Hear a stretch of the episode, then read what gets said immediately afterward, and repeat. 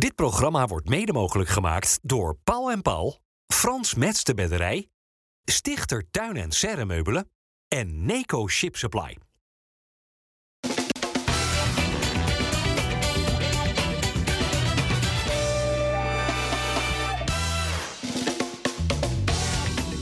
Dag dames en heren, hartelijk welkom bij FC Rijnmond op deze maandag. Aan tafel hebben wij Wessel Penning, hij is journalist van het Algemeen Dagblad en podcastmaker met de morgenjarige Willem van Aardigem. Welkom eh, Wessel. Dennis Kalenburg en uh, Harry van der Laan. We hebben het natuurlijk zometeen over de moeizame overwinning van Feyenoord gisteren thuis tegen RKC. De vermakelijke derby tussen Sparta en Excelsior en dus de kromme. Komt zometeen allemaal voorbij. Had je eigenlijk graag met of onder Van Hanegem gevoetbald? Ja, zeker. Ik heb hem wel in de periode dat ik bij Feyenoord zat regel een aantal keren gesproken. Hij kwam toen nog wel eens buurten, zoals je dat dan noemde. Later werd hij ook te trainen. En dat viel eigenlijk nog onder mijn contract. Alleen ik heb dat contract toen niet uitgediend.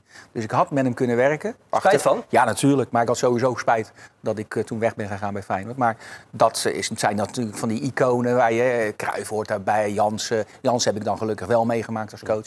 Maar dat soort grootheden, ja, die hebben alles meegemaakt. Alles gewonnen wat er maar te winnen valt, zo'n beetje in het voetbal. Als die uh, jou ook nog als, als trainer even een beetje wegwijs kunnen maken... nou, dan uh, ben je een bevoorrecht mens. Zo is het. En Wessel, Willem kennende, gaat hij zijn verjaardag morgen groots vieren? nee, hij zegt ook altijd, hè, altijd dat hij vroeger altijd al blij was als ze op trainingskamp waren tijdens zijn verjaardag. Iets wel, heel veel mensen denk ik best wel herkennen. Hè? Altijd wel gedoe, je eigen verjaardag, heb je daar zin in? En, uh, dit, uh, en hij wil ook eigenlijk niet meer dat ik erover begin. Uh, over dus kom je hier maar aan tafel zitten. hij wil liever geen mensen over de vloer. Maar goed, ik kom de volgende week maandag bij het feest 1700. Dus hij kan zijn lol op. Je hebt een theatervoorstelling Juist, met ja. de krant. Goed, ja, ja. praat zo meteen natuurlijk over Willem. Waarom had Feyenoord het zo lastig tegen de tien man van RKC? Nou ja, in eerste instantie natuurlijk omdat de kansen niet, niet benut worden. Die hadden ze wel. En dan zeggen ze, ja, de keeper Hè, die, de keeper was goed, natuurlijk. Hield, Welke? Allebei? Allebei. Ja. Fase, want de, die daarna in kwam, die had ook twee hele goede reddingen. Ja, ja geweldig. Maar uh, het gaat er uiteindelijk om, als je een bal echt goed inschiet, gaat hij erin. Nou, je geeft ze net even toch de kans. Nou, Jiménez schoot hem natuurlijk wel gewoon echt goed in. Alleen hij schiet tegen een hoofd van ja, een Ja, nee, natuurlijk, natuurlijk. Maar je, dat is ook iets. Hij had de tijd om daar rekening mee te houden. En misschien moet je hem dan toch in de korthoek schieten. Als daar ook nog een verdediger achter staat. En ik heb een paar hele mooie zweefduiken ook gezien. Onder andere van Vaassen. Natuurlijk, fantastische reddingen. Maar ik weet zeker dat een Messi of een Ronaldo hem net iets verder in de hoek schieten. Ja, nee, dat is het verschil. Ja. Uh, nee, maar ik geef nou even een extreem voorbeeld. Maar zo is het altijd nog wel. Als je een bal echt goed inschiet, gaat hij erin. Wessel, jij bent ook fanatiek Feyenoord supporter. Ja, ja. Dacht jij gisteren in het stadion, dit is zo'n dag dat hij er niet in mag? Ja, eigenlijk wel. En uh, ik zat naast mijn zoon en dan beginnen we. Ik zeg, wanneer gaan we ons druk maken? Zeiden we nou, bij de 60ste minuut gaan we ons druk maken. En dan wanneer echt druk, 70ste. En wanneer raak we in paniek? Bij de 80ste minuut. En precies zo ging het. Ja, ik bedoel, als je 30 jaar in de Kuip komt, dan ben je wat gewend. je dit ja. soort wedstrijden. Nou ja, en dat ook het belang van Twente verloor hè, van ja. Utrecht thuis. En dan moet je toeslaan. En dat gat is nu acht punten. En dan ben je in principe klaar. Hè. Dus het was heel belangrijk dat uh, Wiever toch nog even zijn kop er tegenaan zette. Dennis lag uh, zo'n uh, midweekse zware Europese thuiswedstrijd ook niet ten grondslag aan een uiteindelijk wat minder optreden? Ja, denk ik wel. Dat heeft natuurlijk veel energie gevraagd, die wedstrijd tegen AS Roma. En als je dan weet dat je daar komende donderdag weer naartoe moet, hoop je eigenlijk dat Wessel een heel stuk rustiger met al die andere mensen, waaronder ja. mezelf, op die tribune dan uh, zit. Want als je gewoon inderdaad in die paar kansen die je in het begin al krijgt, gelijk al 2-3-0 staat, weet je, deze wedstrijd is wel gespeeld. Hè? Dan ja. kan je het wat rustig aan. Dan kun je kracht sparen, andere jongens inbrengen.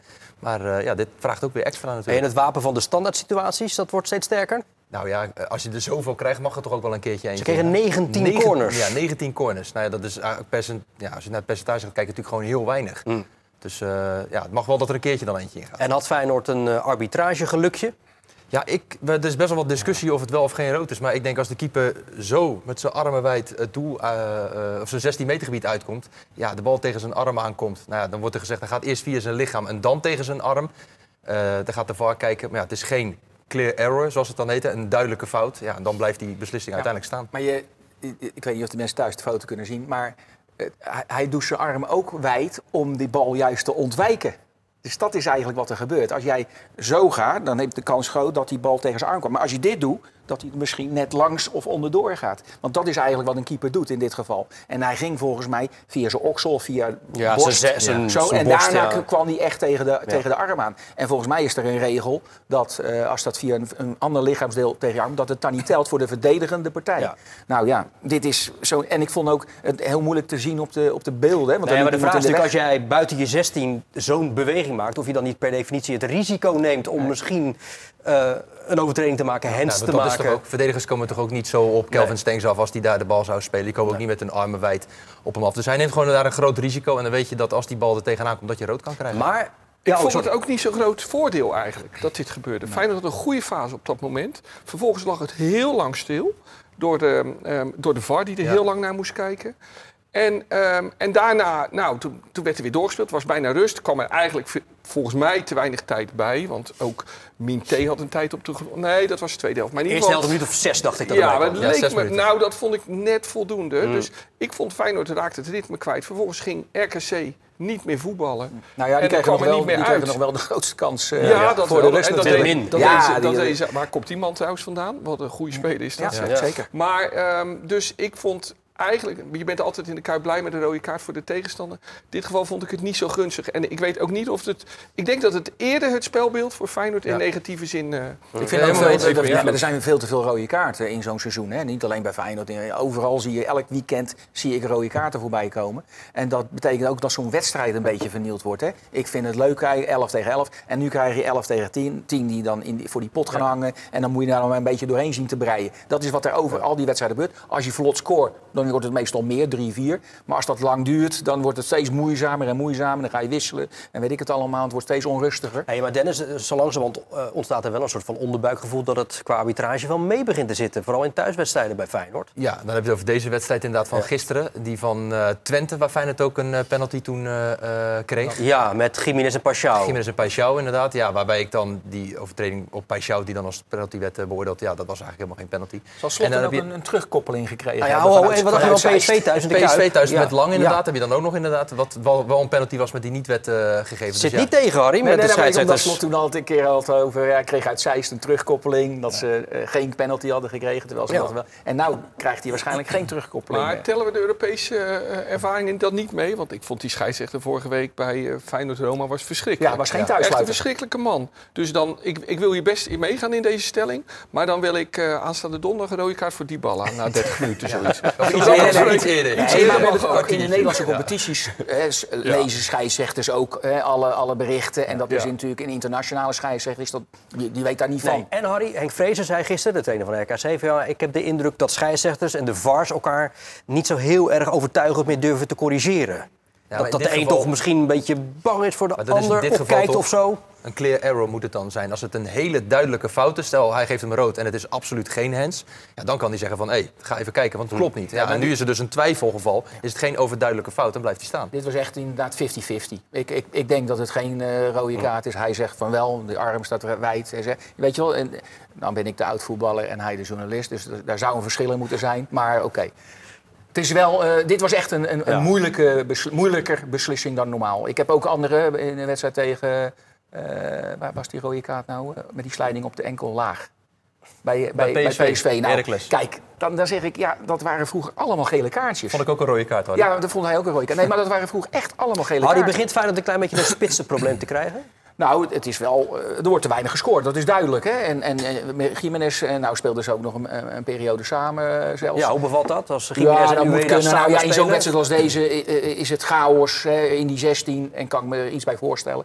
Maar het, is, het zijn nou vooral de middenvelders en de verdedigers die voor de goals zorgen. Ja. Al, al wekenlang. Paxao, Paxao, nou eindelijk hè, een kopbal tegen AS Roma. Een mooie kopbal, goede goal, belangrijke goal.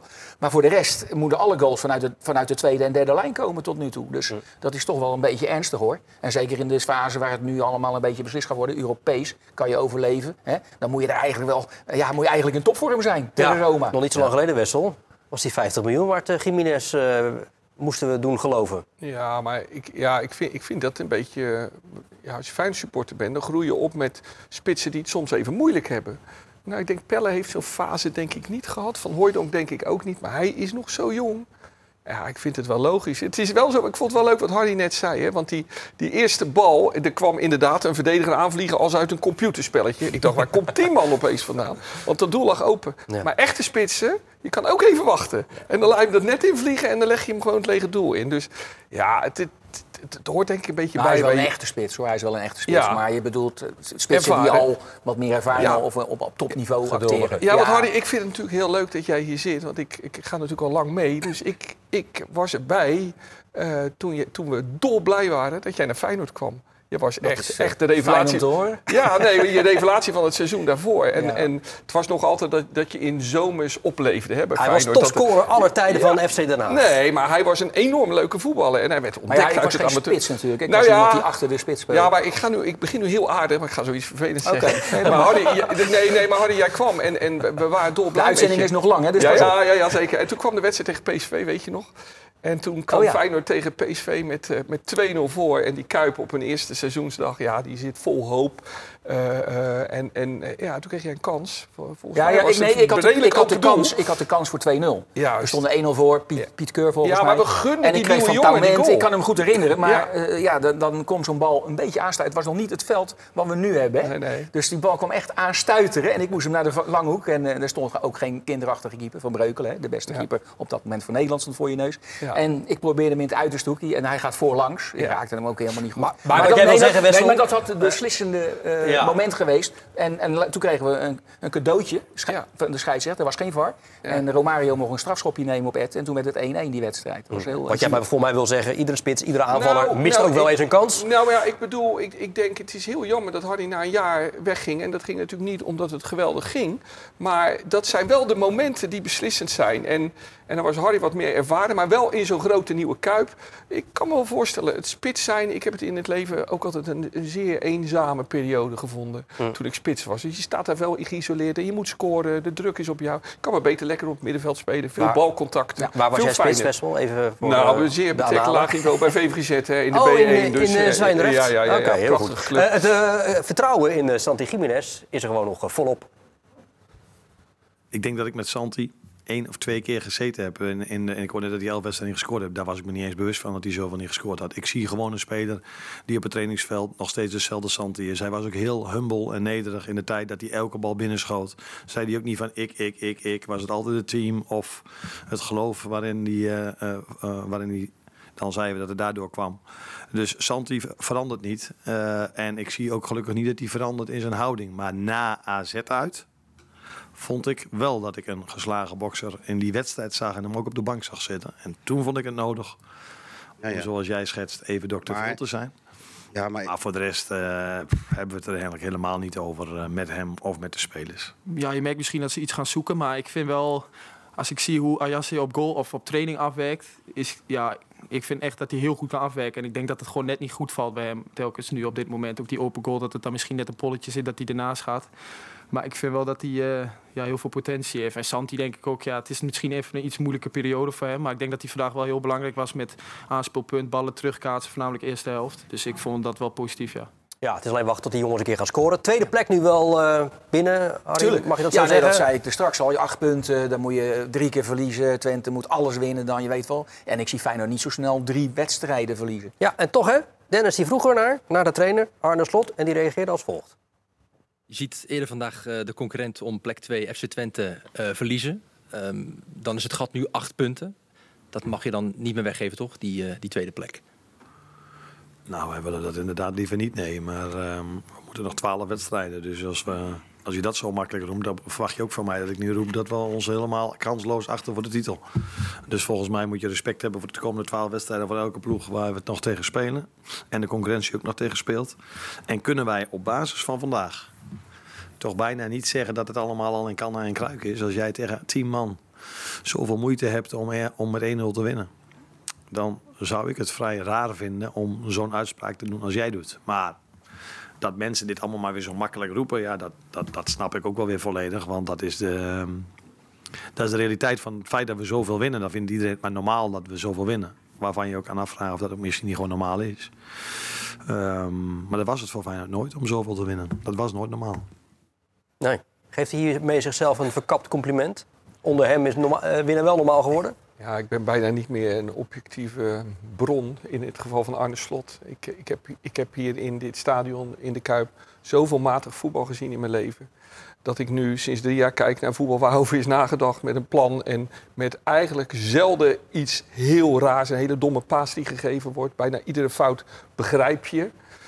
Ehm, dat, eh, dat, dat hij van mij zichzelf iedere dag weer heel veel complimenten mag geven. Ja. Ja. En die zijn dan terecht. Want hoe is de temperatuur voor jou nu als supporter? Een jaar als deze. Tweede plaats is, nou ja, horen we net, min of meer wel eh, klaar. Eh, de finale van de KNVB-beker die longt. Feyenoord zit in een tussenronde van de Europa League. Dat zijn allemaal resultaten, normaal gesproken medio februari, echt niet zo vanzelfsprekend. Nee, nee, nee. En hoe vind jij dat dan nu als supporter? Nou, ik begrijp wel dat heel veel mensen dit allemaal licht onbevredigend vonden. Want was Van Nistelrooy gewoon lekker doorgegaan bij PSV... was Feyenoord waarschijnlijk dit jaar onbedreigd kampioen geworden. Ehm, en eh, mensen vrezen natuurlijk dat we eruit gaan tegen Rome. Ik blijf zeggen, jongens, weet waar we vandaan komen. We, staan, we gaan de Champions League weer in volgend jaar. En dat kan... Nu zullen we toch wel eens een keer geluk krijgen in die Champions League... in plaats van pech. Ja, dit is eigenlijk een, echt een voortreffelijk seizoen van Feyenoord. Alleen, ja... eh, eh, er gaat nu een generatie opgroeien die denkt dat dit allemaal normaal is wat Ja, er nu gebeurt. Een voortreffelijke trainer. Dus ik blijf bang voor de toekomst. Want als die man weg is, Maar het is, valt het niet door. alleen op één man. Het is toch het hele raamwerk dat, dat- waar ze dan hopelijk dan toch wel op voortborduren. Ja, dat maar- niet eentje weggaat en alles in elkaar zakt. Ik hoop het, en dat zo zou het wel moeten. Maar ik vind de voetballerij een van de gekste sectoren van de wereld die er bestaat. Dus ik mag hopen dat het niet alleen van hem en van eh Te Kloeze afhangt. Nee. Maar dat er echt een organisatie onder komt. En je hoort, je proeft wel eens het verlangen bij bepaalde groepen binnen Feyenoord.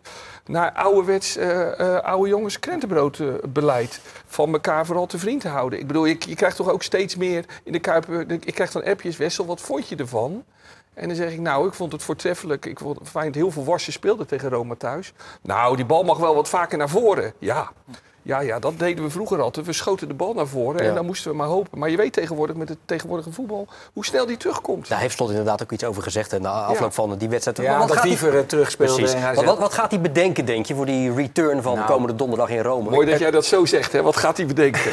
Dit is de man die het voor ons bedenkt. Ja. ja, ja. Nee, ja. dus het is natuurlijk. eh, ik, ik denk dat het moeilijk gaat worden bij Roma uit. Dat, dat, dat, die hebben zoveel ervaring en zoveel goede spelers. Een geweldige spits die heel moeilijk te bespelen Slot is. zegt, deze ploeg is enorm volwassen, maar vooral heel erg slim. Ja. Behouden ze dat het goede voetballers zijn Nee, nee, nee, maar dus, en dan in Rome ook nog. En, en, en dit is ook een Roma die natuurlijk aandurft te vallen. Hè? Dat is, dus je verdediging krijgt meer voor ze kiezen dan bijvoorbeeld bij Mourinho. Dan zijn het een paar momenten, dan moet je er staan. Maar nu is dat eigenlijk wel zo'n beetje heel de wedstrijd... krijg je toch wel druk op je verdediging. En ik denk dat dat in die uitwedstrijd daardoor heel moeilijk wordt. Wat ik wel vind, hij heeft al twee eh, prijzen heeft hij eigenlijk al binnen. De Champions League is al min of meer geregeld. En een beker, die is ook klaar natuurlijk. Twee thuiswedstrijdjes tegen kleine ploegen. Dus dat is ook binnen. Dus dat zijn al geweldige prestaties natuurlijk. Hè? Dus wat dat betreft is, kan je hem bijna op de automaat zetten. En nou ja, als het bij Roma per ongeluk mocht lukken, om wat voor reden ook. Want we hebben het net over rode kaarten. Dat kan daar ook gebeuren. Hè? Dat er opeens even iemand neergehaald wordt en dat je 10 tegen 11 komt te spelen. Nou, wie weet. Je, En wat ook scheelt hè, natuurlijk dadelijk bij AS Roma. Feyenoord heeft diep moeten gaan om tegen RKC nog die wedstrijd over de streep te trekken. AS Roma speelde volgens mij met vijf of zes andere spelers tegen Frosinone dit weekend. Ja, dat scheelt natuurlijk ook Wel, maar je hebt voldoende hersteltijdje of vier dagen. Dat is echt wel veel. hoor. Jij gaat er naartoe, Dennis? Ja. We gaan woensdag eh, gaan we daar eh, naartoe. Feyenoord traint dan nog wel hier. Dat is ook weer eh, nieuw. Normaal deden ze dat altijd daar in, eh, in Italië. Maar nu trainen ze dan hier. Ze doen dan wel later nog een soort eh stadiontour, stadionloopje. Oké. Dan is de persconferentie en donderdag de wedstrijd. En, eh, We gaan eh, luisteren naar jouw eh, verslag. Gaat helemaal goed komen. En vrijdag op eh, terugblikken. Het was een sfeervolle derby, zaterdag op het kasteel. Tussen Sparta en Excelsior. Feest natuurlijk, opluchting bij Sparta. Zag jij een getergd Sparta? Nee. nou, in eerste instantie natuurlijk niet. Als je na een kwartier met 2-0 achter staat, dan kan je nog eh, drie dagen bij elkaar gaan zitten in de kleedkamer. Maar dat, dat, zo werkt het dus niet. Was Sparta nou zo slecht het eerste kwartier of was Excelsior zo nee, goed? Excelsior was heel erg effectief op dat moment. Hè. Ik vond het een, gelijk een mooie, leuke, open wedstrijd. Wat ik sowieso bij Sparta zou... Dat moeten ze veel meer doen. Je gewoon lekker aanvallen, proberen goals te maken. En natuurlijk liepen ze nou twee keer tegen een paar geweldige counters op. En dat kan, of tenminste de ene was dan een hoekschop. En natuurlijk geweldig ingeschoten door Piri. En die andere was dan een, een counter. Dat is wel een slimme vondst hè, met driehoes op de rechterkant te beginnen. Ja, dat, dat, dat had hij al eens eerder gedaan. Ja, hoor. dat deed hij bij Almere ook, ja. Nee, ja. maar ik bedoel meer, als je kijkt dan hoe Warmerdam, die werd echt aan Ja. alle kanten Ja. overlopen. Dus ja. Maar Oké, in ieder geval, dus, dus het was een, een behoorlijk open wedstrijd... waar beide ploegen te veel ruimtes weggaven op het middenveld. veld. Dat was in de tweede helft duidelijk anders. Want toen nam- zag je ook de agressiviteit toenemen. Omdat er, er veel meer duels kwamen. Maar in de eerste helft, eh, beide middenvelden mochten gewoon lekker draaien, inspelen. En Maar dat- hoe komt het dan dat Excelsior weer zo'n voorsprong niet over de streep weet te trekken? omdat ze, nou, als ze hebben, nou hadden ze wel wat meer problemen natuurlijk om de verdediging eh, goed neer te zetten. Hè. Echt personele problemen had hij. Maar Excelsior constant eigenlijk kwetsbaar in verdedigend opzicht. Daar ligt helemaal niet de kracht hoor bij Excelsior. De kracht ligt in die omschakelingsmomenten en de snelheid voorin. Ging de manier waarop eh, Sparta Driehoes eh, zocht niet wat ver? Ja, vond ik wel opvallend. Ik vond ook wel dat, eh, ik zat tv te kijken, ik vond dat men makkelijk over die, dat beukje van Guzman? eh, van de Koesman. eh dat, daar- Elleboog of niet? Ja, nou, in ieder geval, had, ik denk dat de VAR ernaar gekeken heeft en dacht van, ja, maar het was echt heel venijnig en het was heel gemeen. En je Ik zag vind ook dat wel, niets voor de Koesman eerlijk gezegd ook. Nee, en ook maar- op die hoogte, want je Ja. neemt echt een risico. Want je weet hoe, ho- Ja. ja, hoe hoog die ongeveer gaat komen. Weet je gewoon dat je hem gaat raken. Dat Ja. zeggen ze altijd trouwens. Hè. Dat doet hij normaal nooit. Ja, maar Dat is niks voor hem. Dat hoor ik altijd. ja, maar er was duidelijk irritatie bij Sparta. Er is emotie. iets afgesproken. Nee, er is altijd wel. emotie. op het Groepsgesprek, hè, voetbal. Wessel? Hadden ze Ja. eh, een week Zullen ze geleden. in dat groep, groepsgesprek ook hebben, die, die, die nette eh eh, eh, vriend, die heeft al gezegd, jongens, eh, als je driehoes te goed is, dan pakken we hem vier Ja. gele kaarten Nou, dat, denk ik echt dat ze dat zeggen. We moeten, ja, je weet hoe dat gaat. Dus ook, Ja. We moeten erop klappen. En, Ja. eh, nou, Nee, dat nee, soort termen dat is in de dan. rust is dat nog eens even Ja, ja, aangepakt. aangehaald. Natuurlijk. Natuurlijk. Want ze kwamen allebei anders uit de rust natuurlijk. Dat was logisch. Na zo'n eerste helft waar alles open lag en allemaal kansen. Dus dan ga je als coach op inspelen. Maar wat, ik ben het helemaal eens met Van Hanegem in zijn column. Dat, eh, dat, dat er helemaal niet gereageerd werd door Excelsior Ja. op al die aanslagen bij 3US. Dat is toch ongekend. Dus je beste aanvaller, hè, of misschien wel je belangrijkste speler... die het verschil kan maken, wordt uit de wedstrijd geschopt. En we laten dat gewoon gebeuren. Ja. En ik snap wel, het is moeilijk tegenwoordig hè, met de VAR en met al die beelden. En, en je kan niet zomaar iemand een knal voor zijn kop geven. Maar... Je, Je kunt het wel laten merken je inderdaad. kan, en zeker eh, richting, je moet gelijk eh, met, met, z'n allen erop vliegen. Zullen we even naar Driehoes zelf luisteren? Ja. Hij, hij voelde zich natuurlijk na afloop eh, flink gezocht. Sterker nog, hij kon de wedstrijd niet uitmaken. Telkens als ik de bal kreeg of eh, in de buurt van de bal kwam, eh, moesten ze me zoeken. Ja, het, eh, het is niet fijn om een ticket te krijgen. Helaas moest ik er daardoor ook uit, omdat ik gewoon een vervelend knietje had gekregen. En kon hem niet eruit lopen. Ehm, ja, ik weet, ik weet niet hoe ik daar nog, wat ik daarop moet zeggen. Ik zag je ook nog met een tampon in je neus. En toen kwam er ook een opstootje met, volgens mij met de Guzman. Ja, hij maakte een opmerking wat ik niet zo sportief vond en dat liet ik ook merken. Eh gelu- hij had geluk dat hij eh, gelijk werd gewisseld. Ja, had je nog even je revanche willen pakken? Ik zag wel dat je op een gegeven moment echt wel... Ja, je liep met de pest in je lijf. Ja, zeker weten. Als iemand me zo zo- eh, zoekt, dan eh, kan hij het krijgen ook. Dacht eigenlijk dat hij iemand nog een schop zou geven. Dat gevoel had ik wel. Want Dat je zag geeft hij min of meer toe hier. Ja, zijn gezicht was inderdaad... eh, Dat stond echt op Alleen daar onweer. was hij niet meer fit genoeg voor. Dus Nee. dat Is hij wel weer de oude als voetballer? Ja, vond ik wel. Want ik, die wedstrijd na al, na al die transferperikelen, die eerste wedstrijd. Almere, ja, Twente. Toen, was, toen was die, raakte hij geen bal. En nu eh, is de, is, was hij weer de oude driehoek. De assist en, was ja, mooi, de snelheid, de dreiging. En dan is het gewoon een, echt een Wat uitstekende had de trainer van. Hanegem eigenlijk gezegd als eh, hij Driehoes zo zag hoog houden? Gewoon midden op het veld? Ja, dat was wel een provocatie. Ja, nee, dat, en en eh, eh, dat had Willem eh, ook niet over de kant laten gaan. Misschien was hij zelf het veld wel ingelopen. Had hij even Ja. een cakeje uit. Gerry Ja, ja, Meuren, hè? Gerry Meuren bij doen. Atletico Madrid. Ja. eh, in 72 geloof ik. Ja, ja. Hoe oud was je toen? Ik was toen een jaar of acht. En hoe oud word je komende zaterdag? Eh 39? Nee, dat zou je willen. Was het maar waar. Plus 21. Ja, hij, nou, ja, 60. Van Hanegem wordt eh, 80 en hij wordt eh komende Ja. week 61. Over Van Hanegem bespreken we zo. We komen nog even terug op het groepsgesprek. eh, wat er dus bij Sparta vorige week heeft eh, plaatsgevonden. Eh Nicolai daar nog even over. Nou, ten eerste vind ik het onnodig dat dit, dit soort informatie naar buiten is gegaan. Want dat is iets voor de groep onderling. Ehm, daar hoeft de buitenwacht helemaal niks van te weten. Eh, jullie weten uiteindelijk de informatie ook niet die verteld is. En het is ook helemaal niet nodig. Alleen eh, dat is iets privés. eh, en wij vonden op dat moment dat het nodig was om iets tegen de groep te zeggen. De groep heeft wat tegen ons gezegd. Dus het was een wisselwerking. En ik denk uiteindelijk, ja, of dat zijn vruchten afwerpt, ja, dan moet je altijd maar, dan moet je altijd maar ja, afwachten. Ja, ik denk dat iedereen het zo groot maakt als dat. weet je, dat, eigenlijk is het gewoon een, een gesprek wat spelers in elk team hebben met elkaar. Alleen dat, dat, dat doe je ook als je twee keer achter elkaar verliest. Dan, dan heb je altijd spelers nodig die het ook onderling gaan regelen. Wij vanaf de kant kunnen van alles en nog wat bedenken. Ook tijdens, een tijdens trainingen, trainingsvormen bedenken. Maar spelers moeten elkaar ook de waarheid zeggen. Ga, naar elke ploeg. Eh, bij Feyenoord gebeurt het, bij PSV gebeurt het, bij, bij ons ook. En eh, ik, heb, ik, ben in de gelukkige omstandigheid dat ik gewoon een aantal spelers heb die het eh, voortouw kunnen pakken. met hun leiderschap. En dat hebben ze, dat hebben ze getoond de afgelopen week. Dus eh, hoe, hoe het ook hoe het ook eh, in de pers is gekomen en hoe dat dan ook gedraaid wordt. Ik denk dat het super eh, nodig is geweest en dat heeft zich uitbetaald in een 4-2 overwinning. Ja. Hoop gedoe, hè? Over zo'n groepsgesprek. Ik moet, wel, ik moet wel denken, ik ken hem als een hele bedachtzame, reële man eigenlijk wel. En dan zie je toch wel wat voetbal dan met iemand doet. Wat Ik- druk met een mens doet. Nou, ik zou, ik zou dat proberen, ik zou daar toch nog eens goed over na te denken. Want waar maak je je druk over? Een groepsgesprek Ja. wat uit is gelekt, ja. Ik, het Nou ja, het was een groepsgesprek zonder de aanwezigheid van de technische staf. Dat Ja. maakt het misschien dan net even wat Ja, over, het algemeen, dan normaal. over het algemeen betekent dat het, eh, dat het eh, aflopende zaak is voor een coach. Hè? Moet je niet vergeten. Ik heb het zelf ook een paar keer meegemaakt. In beide gevallen werd er gedegradeerd. Zowel bij Den Bosch waar ik toen speelde als bij FC Den Haag.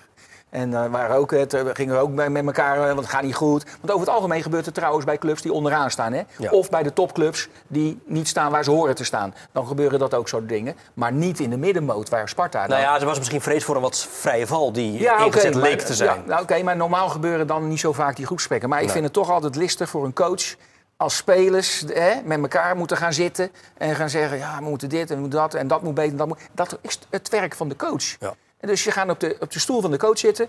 Het haalt toch een beetje. Ik heb toen in het begin van het seizoen gezegd: ja, een reserve eh, assistentcoach, hoofdtrainer, vind ik al listig. Maar als dit soort dingen gaan gebeuren, gaat het echt eh, eh, hard hoor. Maar het is toch heel goed dat mensen met elkaar praten over hoe Jawel, hoe maar het is voetbal, hè? Het, is niet een, het Ja. is geen politiek. Ja, maar Eh, dat dus- vind ik altijd wel de grap een beetje. Dat voetbal altijd denkt dat dat een totaal andere maatschappij Totaal is. andere wereld. Ik heb wel een discussie gehad. Ik, ik had wel eens bij mij op de redactie bij AD Sportwereld.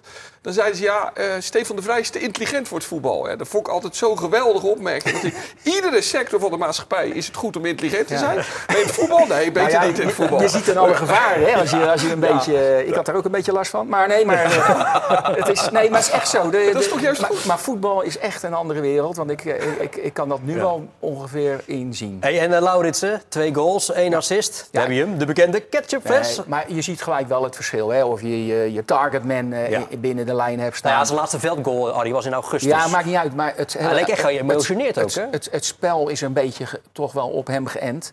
En je kan de lange bal spelen. Je kan ook gewoon over de grond met hem voetballen. Geen enkel probleem. En voor, die verdedigers hebben gewoon veel meer moeite met die lange, Ja, die lange En dweil. hij staat op de goede plek, hè? Twee keer. Ja, joh. En, eh, Ja. nou ja, inderdaad, de goede plek. Dat was die eerste goal. Hè, dat, dat voel je gewoon. Daar kan wel eens een bal vallen. Dat is het, eh, de kwaliteit van een spits ook. En heel veel geluk natuurlijk. Tuurlijk. Om daar even te staan. Opluchting dus eh, bij Sparta, want ja, de druk eh, was eh, toegenomen.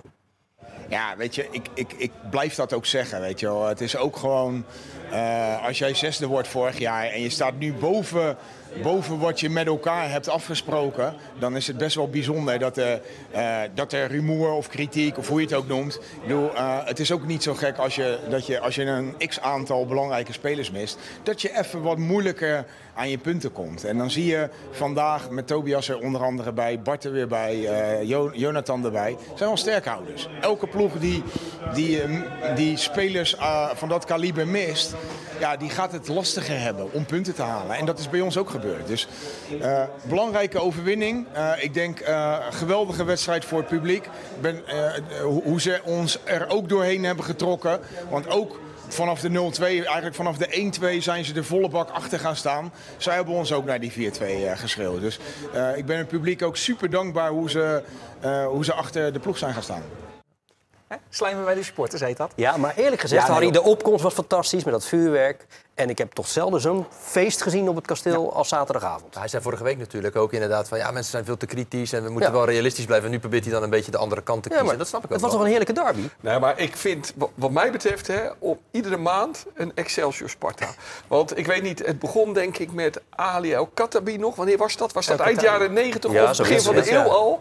Toen, toen op een gegeven moment Sparta omlaag, omlaag. En toen Excelsior ergens middenin tegenkwam hè, in, eh, bij de play-offs. Die wedstrijden waren al onvergetelijk. Nou, dan hebben we die wedstrijd met Guillaume Fernandes gehad Ja, natuurlijk. play-offs. En dit, je voelt de spanning. Ja, zo moet voetbal zijn. Ja. Zeg. Ik vind het geweldig. Altijd weer hetzelfde. Sparta voelt de druk en de paniek met een trainer zoals deze duidelijk.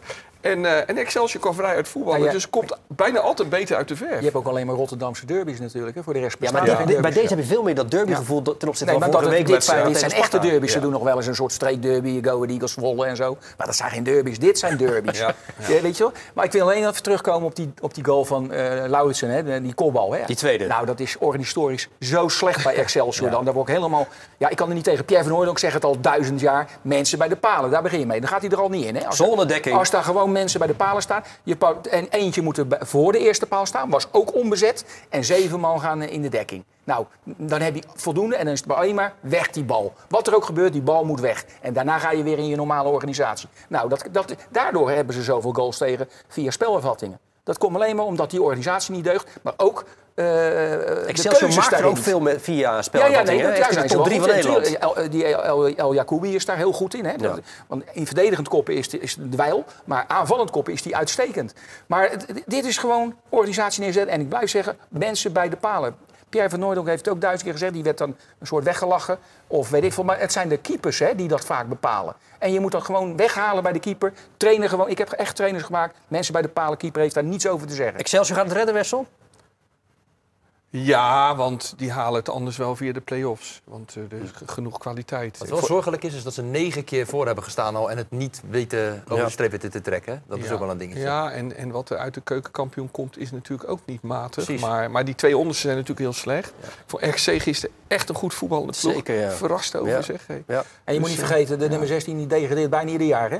Meestal wel, ja. Dus dat, is- dat, dat vergeten ze, maar vroeger was dat niet zo. Maar de laatste vijf, zes jaar zijn ze allemaal gedegradeerd. Wessel, hoe is het eh, met eh, de morgen 80-jarige? Hoe gaat het met hem? Ja, die, eh, die vindt het wel een hoop gedoe inmiddels. Die is er nu wel een Adem? beetje klaar mee. En, Oh, dat moet nog beginnen. Ja, ja zeker, zeker. Ja, ja, ja. Maar ehm, ja, nou, zoals heel veel mensen hebben, die hebben niet zoveel met verjaardagen, toch? En ehm, ehm, Willem vindt het ook veel gedoe. Maar ik denk dat hij stiekem, stiekem toch best wel trots is dat het zoveel losmaakt. Ja. Hoe zorgt hij hij 80 ervoor? wordt. Jij spreekt hem wekelijks nog, daarom Ja. hebben we je ook voor vandaag uitgenodigd. Hoe zorgt hij ervoor dat hij al nu nog steeds bij de tijd is en dat hij fit is? Ja, ik denk dat hij een. eh, eh, hij leeft heel gezond samen met zijn eh, vrouw Marianne. Echt met. ik moet er altijd wel een beetje om lachen. Die eet eh, kruiden die ik dan zeg. Oh ja, uit zijn potje. Nee, nee, nee. Dat gaat hij dan vers kopen. Dus Willem heeft echt een gezond dieet. Eh, behalve dat is hij ook wel een enorme zoete kou en houdt hij heel erg van snoepen. Maar ik denk dat hij een beetje het geluk heeft van, eh, van de genen. Hè? Die moet, je- die, dat, dat moet je ook hebben. Eh, Waarschijnlijk komt hij uit een sterk geslacht. Nou, Want als je hem voelt, die man is een muur. Ja? Die man is echt een Als- muur. als en die heeft een paar handen. En Als voetballer was hij natuurlijk ijzersterk. Ja. Ook, hè? Dan kon je gewoon niet, als je daar tegenaan liep. Nou, laat ik jullie nou aan tafel hier vragen waarin jullie hem zo als voetballer, voetballer bewonderden. En terwijl jullie dat vertellen, laat me even zien.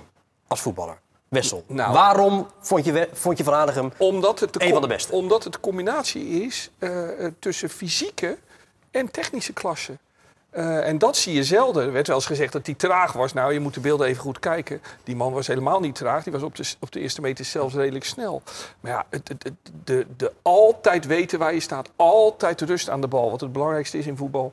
Een geweldige trap. Goed kunnen koppen, kunnen scoren. Een Ja, leider. nou, je, pas eh, bij, bij Ziggo waar, waar de Cruijff had wat quotes. Hè, die somde even op. En die zei, en bovendien is nog eens een geweldig mens als laatste. Maar is gewoon toch te complete voetballer, toch? Harry? Ja, nee, maar ik, ik, ja, ik, ik kan hem... Ja, als, jij jij noemde net rust aan de bal. Hè? Piet Keizer had dat ook. Ja. Dat, die hebben gewoon de bal en raken hem nooit kwijt. Dat is natuurlijk wel een hele fijne eigenschap. Hè? Iedere coach vindt dat prettig. En dan had hij ook nog het inzicht hè, om mensen voor de goal te zetten. Hij kon zelf een goal maken. Hij was zeer goed in de lucht. Aanvallend koppen vooral ook.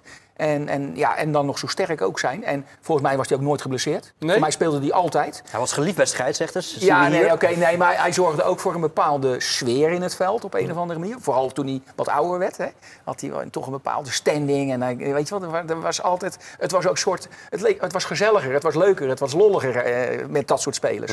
En dan, eh, ja, nou, ja, de kwaliteit, hij is internationaal, dat weten we de meeste genees. Maar juist ook internationaal is hij enorm bewonderd. Hè. In, in landen als Brazilië, Argentinië, heel ver weg, wisten allemaal wie Willem van Hanegem En was. dat Wessel met een oogafwijking. Hè? Ja, maar dat was op het laatst natuurlijk. Hè? En die lenzen die er toen in zijn geze- eh, gezet, hè, direct na zijn carrière in eh, 1983, eh, die zitten er nog in en die ogen zijn nu goed. Maar ja, hij deed het laatste seizoen gewoon puur op gevoel. En dat is natuurlijk iets ongelooflijks, Ja. dat je dus puur op gevoel... Tegelijk zegt dat misschien ook wel iets. Wij denken dat we heel afhankelijk zijn van onze ogen. Maar misschien zijn we wel veel afhankelijker van onze instincten. En in zijn geval Eh, zijn voeten. Ja, ja, het is net dat is een schaker die een aantal zetten vooruit kan denken. En er Ja. zijn er maar een paar van die dat kunnen. Ik denk dat Jansen dat ook kon en Cruijff en zo. Ja, Zullen- ja, hij zullen we, nog even, we gaan nog even genieten, Wessel. 30, 30 jaar terug in de tijd. Ja. Willem van Hanegem in de Diergaarden in Blijdorp. Ja. Het is een, eh, dacht ik, een beetje ondoordringbaar figuur. Maar wel een eh, interessante jongen, ja, vond ik. Ja, Willem is natuurlijk een unieke figuur in Nederland. En in dit moment kan we gaan Weltklasse spelen. En solche spelers zijn altijd lastig. In bepaalde momenten. Het is een eh, ja, grandioos mens. Ik heb dus nu pas geleden ze- zeven weken met hem opgetrokken, zeg maar. Maar het is eh, ja, gewoon een grandioos mens.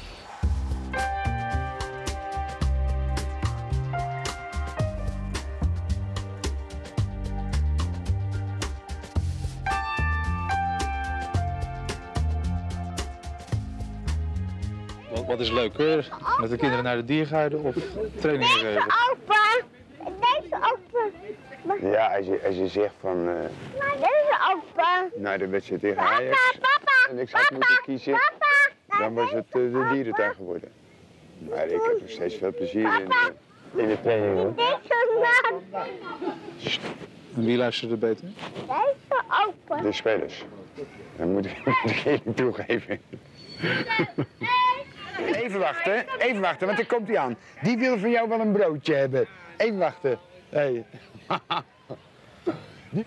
Geef maar, geef maar, geef maar. Zo. Oh. Zo, is dat mooi? Hey. Zie je dat? Hij... Zie je dat? Hij vraagt of je ook een hapje Er zit geen boter op. Nee, Nee. Die is groot, hè? Ja, maar die eet ook een beetje veel, hè? Nee, we hebben geen brood. Ja, schitterend hè. Dat hij nog maar lang onder ons mag blijven. En jij nog maar vaker podcast met hem eh, mag opnemen voor het eh, Algemeen Dagblad. Feliciteer hem eh, namens ons ook allemaal. We hebben allemaal zo onze eigen herinneringen en die dragen we bij ons. Dankjewel voor de komst. Was er genoegen. Wessel Penning, Dennis Kalenburg, Harry van der Laan. Tot snel weer. We zijn er wat de sport betreft natuurlijk woensdag met de Sparta-podcast. Donderdag alles over AS Roma tegen Feyenoord. En vrijdag weer dit programma FC Rijnmond. Graag tot dan. En een goede week.